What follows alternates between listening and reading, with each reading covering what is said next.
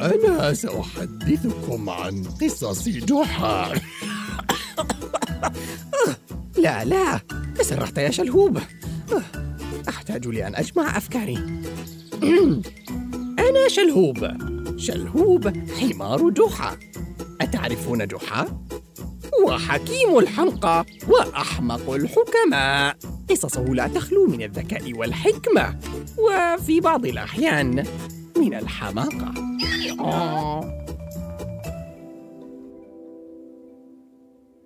ولكن من أين أبدأ؟ أوه تذكرت واحدة. هذه قصة عن بيت مسكون. وكيف قام جحا بكشف سر شبح ومساعدته في البقاء داخل البيت؟ في إحدى ليالي الشتاء الماطرة كنت أحاول النوم في الحظيرة. بعد يوم شاق متعب إلا أن صوت الرعد وضوء البرق أرقاني. فكلما أوشكت أن أغفو نبهني صوت الرعد وطار النوم من عيني. عم الهدوء بعد فترة وجيزة وتوقف المطر والرعد فأغمضت عيني وحاولت العودة للنوم. إلا أنني سمعت صوتا حينها صوت صرير خافت مريب اعتقدت في البداية أني أتخيل أو, أو أحلم لكن الصوت بدأ يرتفع شيئا فشيئا وهو يقترب إلى الحظيرة. و و و ومن شجاعتي التي ليس لها مثيل وليس لأنني كنت خائفا ومرعوبا نهضت واختبأت تحت كومة قش لكي أتمكن من نصب كمين لمصدر الصوت. تتبعت الصوت لأرى ما مصدره. كانت الحظيرة معتمة ولم أستطع أن أرى شيئا من تحت القش. ولكني سمعت الصوت يعلو وهو يقترب إلى أن شعرت بشيء يتعقل بي ويقع أرضا. وإذا الشيء يصيح بصوت مرتفع مما أجفلني وجعلني أنهق بصوت مرتفع. فأيقظ صوت جحا. الذي أتى مسرعا إلى الحظيرة ليرى ما الذي يحدث. وبفضل الفانوس الذي كان بيده. تبين لي أن الشيء الذي تعرقل بي كان رجلا غريبا لم أره من قبل. تفاجأ جحا. الذي قال للرجل؟ ما الذي يحدث هنا؟ من أنت يا غريب؟ عفوا يا أخي أعذرني. أنا صهيب. انتقلت حديثا إلى القرية إلى البيت الكبير الذي على التلة أنا حفيد الحاج عرفان رحمه الله. آه نعم. لقد سمعت عنك. ولكن ما الذي تفعله في حظيرتي في هذا الوقت المتأخر من الليل؟ أرجو العفو منك لكني محرج جدا من السبب الذي جاء بي إلى هنا. أه، لا عليك. أه، تفضل إلى الداخل. فأنت مبتل والبرد واضح عليك. فلنحتسي بعض الشاي الساخن بينما تقول لي ما الذي جاء بك؟ فدخل البيت وبدأ صهيب الذي توقف عن الارتعاش بعدما شرب الشاي الساخن بسرد قصته لجحا. القصة يا جحا أني ورثت ذلك البيت عن جدي ولكني لم أستطع الانتقال إليه إلا مؤخرا بعدما أنهيت أموري في المدينة التي كنت أسكنها. ويا جحا إن هنالك شيئا ما غريبا في ذلك المنزل فرغم أني أسكن هناك وحدي إلا أنني أسمع أصوات خطوات وتحركات في أوقات مختلفة من اليوم. في البداية كنت أظن أني أتخيل لكني تأكدت من الأمر الليلة عندما سمعت صوت زجاج ينكسر ثم صوت أنين خافت فأسرعت هاربا من البيت. إلى أن رأيت حظيرتك فاختبأت فيها احتماء من البرد والمطر. شيء غريب حقا. فيبدو أنك تعتقد أن البيت مسكون وأن هناك شبحا يحاول إخافتك. وهو شيء غير وارد طبعا إذ لا وجود للأشباح. ولكن هذا لا يعني أني لا أصدقك بل لابد من وجود تفسير منطقي لما يحدث. ما رأيك أن تنام عندي الآن؟ وغدا نفكر في حل لهذه المشكلة. يا لغباء جحا لا وجود للأشباح ستندم على ضيق أفقك أيها الأحمق. بعد سماع عرض جحا قبل صهيب وهو يتنفس السعداء. وعندما استيقظ جحا في اليوم التالي أيقظ صهيب من النوم وقال له صباح الخير يا صهيب. أرجو أن تكون ارتحت في النوم. لقد فكرت في الأمر مليا ليلة أمس وأظن أني وجدت الحل. وأنا أيضا وجدت حلا. سأبيع البيت وأبقى هنا إلى أن أجد مكانا جديدا لأسكن فيه. لا يا صهيب هذا ليس حلا هذا هروب وخوف. عليك مواجهة الموقف. أنصت إلي سأذهب معك إلى المنزل اليوم وسأساعدك في اكتشاف السبب الحقيقي لهذه الأصوات التي تسمعها لقد عاش جدك في ذلك البيت سنين طويلة ولم يشك من أي شيء أليس كذلك؟ إذا لابد أن هناك تفسيرا لما يحدث فما رأيك؟ ماذا؟ ستذهب إلى البيت؟ صهيب إياك أن تقبل هذه الخطة الغبية آه. حسنا بما أنك ستكون معي فلنذهب ونحاول اكتشاف السر فتوجهنا إلى البيت الكبير فوق التلة وأنا ألعن اليوم الذي قابلت فيه جحا. وكان البيت مبنيا على الطراز القديم وفيه ما لا يقل عن ثمانية غرف وعلية مرتفعة. وكان ملحقا بالبيت حظيرة فخمة مبنية من الخشب الصلب. ورأيت أنه كان ملحقا بالبيت حظيرة واسعة فاخرة. أستطيع أن أستريح داخلها وأحتمي من الأشباع قصدي من حرارة الشمس. إلا أن صهيب قال لجحا. ما رأيك يا جحا أن يدخل حمارك معنا إلى البيت؟ لماذا تريده أن يدخل معنا؟ شلهوب لا يدخل البيوت عادة. نعم نعم. استمع إلى جحا يا صهيب. لا مشكلة لي بالانتظار في الحظيرة الآمنة. لا تسئ فهمي يا جحا. فأنا لا أمانع أبدا أن يدخل الحظيرة لكني سمعت كثيرا عن ذكاء الحمير. وعن قدرتهم على استشعار وجود الأشباح وحماية البشر منها. نعم نعم. سمعت عن ذلك أيضا. حسنا إن كان ذلك سيريح بالك. ما الذي يقوله هذان المغفلان؟ أنا لا أستشعر الأشباح ولا أستطيع حماية البشر منها. رغم ذكاء الاستثنائي الذي ذكره صهيب وكان محقا مئة بالمئة. آه، تبا للاعتقادات الخاطئة التي دائما توقعنا نحن الحمير في مآزق لا نحسد عليها. ورغم كل محاولاتي لعدم الدخول إلى البيت المسكون. استطاع جحا وصهيب سحبي إلى الداخل. فبدأنا بالتجول في البيت الواسع بحثا عن أي دليل على وجود أشباح. لكن لم نجد شيئا إلى أن حل الظلام وحان وقت النوم. فقال جحا لصهيب لم نجد أي دليل على شيء. هذا غريب.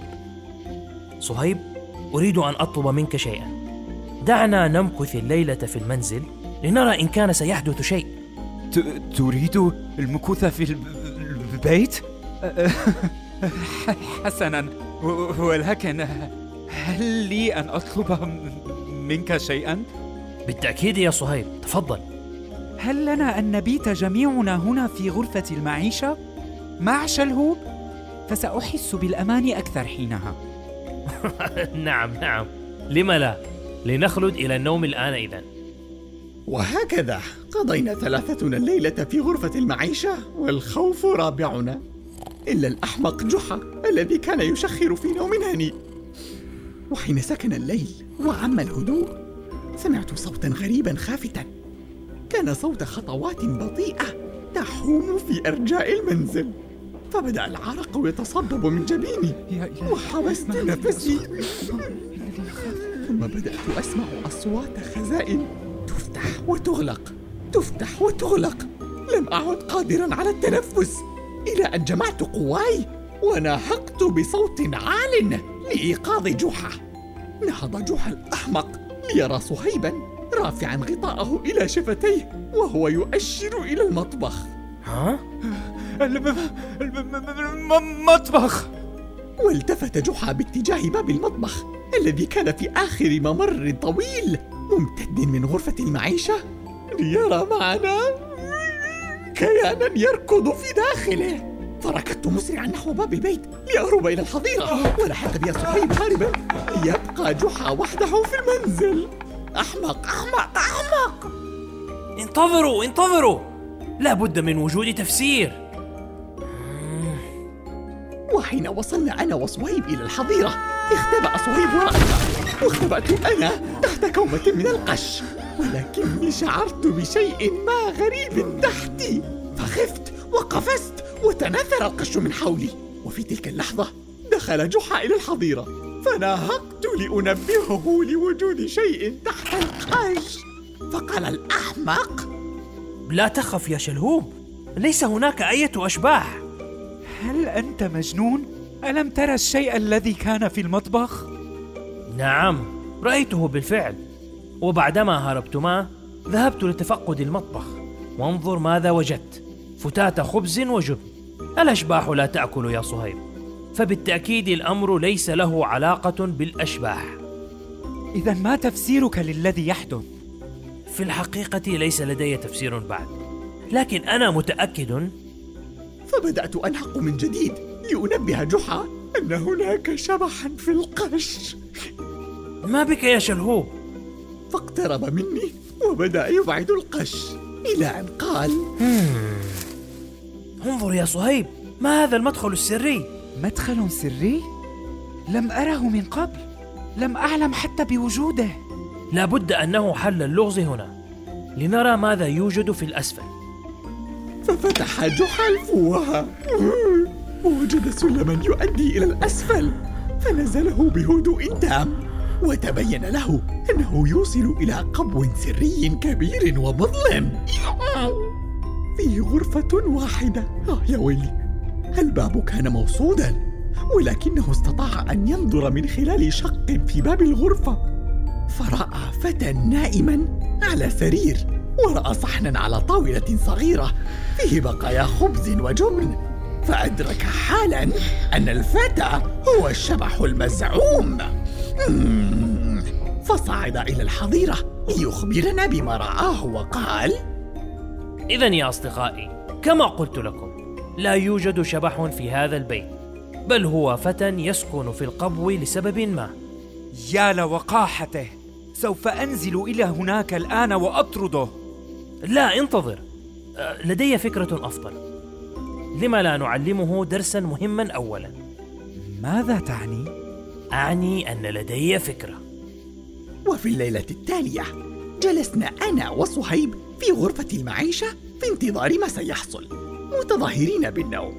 وبينما نحن نائمان بدأت الأصوات نفسها وركض الفتى إلى المطبخ. إلا أنه ما أن فتح خزانة الجبن حتى ظهر له جحا متنكرا كالشبح المجنون وأرعبه.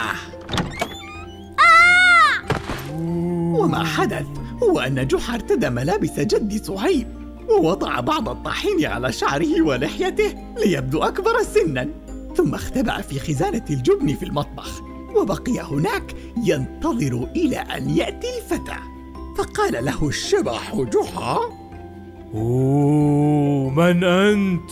ماذا تفعل هنا؟ أوه ما هذا؟ من أنت؟ من أنا؟ بل من أنت؟ لم تسكن سرا في بيتي؟ أنت شبح الحج عرفان؟ نعم إنه أنا أجبني الآن من أنت؟ طارق. أنا كنت أسكن هنا حين كنت أنت تعيش في هذا البيت. لكنك لم تلاحظ وجودي بسبب نظرك الضعيف وسماعك الخفيف. ولماذا تختبئ في قبوي وتخيف حفيدي؟ أنا لا أحاول أن أخيفه أبدا إلا أنني يتيم ولا بيت لي. آه هذه هي القصة إذا من أنت؟ أنت لست شبحا؟ أنا جحا صديق صهيب مالك البيت. هيا تعال معي لأعرفك عليه. لا لا أرجوك احفظ سري.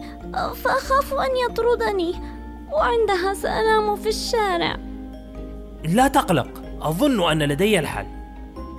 فتوجه جحا برفقة طارق إلى صهيب وأيقظه من النوم وعرفه على صهيب فكان مستاء جدا منه في البداية وعلى وشك أن يطرده إلى أن تدخل جحا بالأمر وقال له يا صهيب أود أن أعرفك على طارق. اسمع البيت بيتك ولك الحق في أن تدخل إليه من تشاء وتطرد منه من تشاء ولكن أنت رجل وحيد لا زوجة لك ولا أبناء. وطارق فتى يتيم لم يقصد أي سوء. فلم لا تبقيه معك هنا وتصبح وصيا عليه؟ فيكون ونسك في هذا البيت الكبير وتكون أنت سنده في هذه الدنيا. وأعجبت الفكرة صهيب. فقبل. وسعد طارق بوجود شخص يعتني به أخيرا. آه. وشكرا جحا على مساعدته لهما.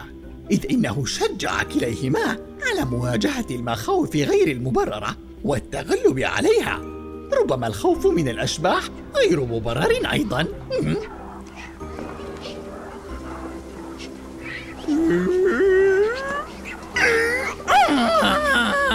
لا لا آسف آسف أنتم حقيقيون؟ لا تقتلني يا جد شبح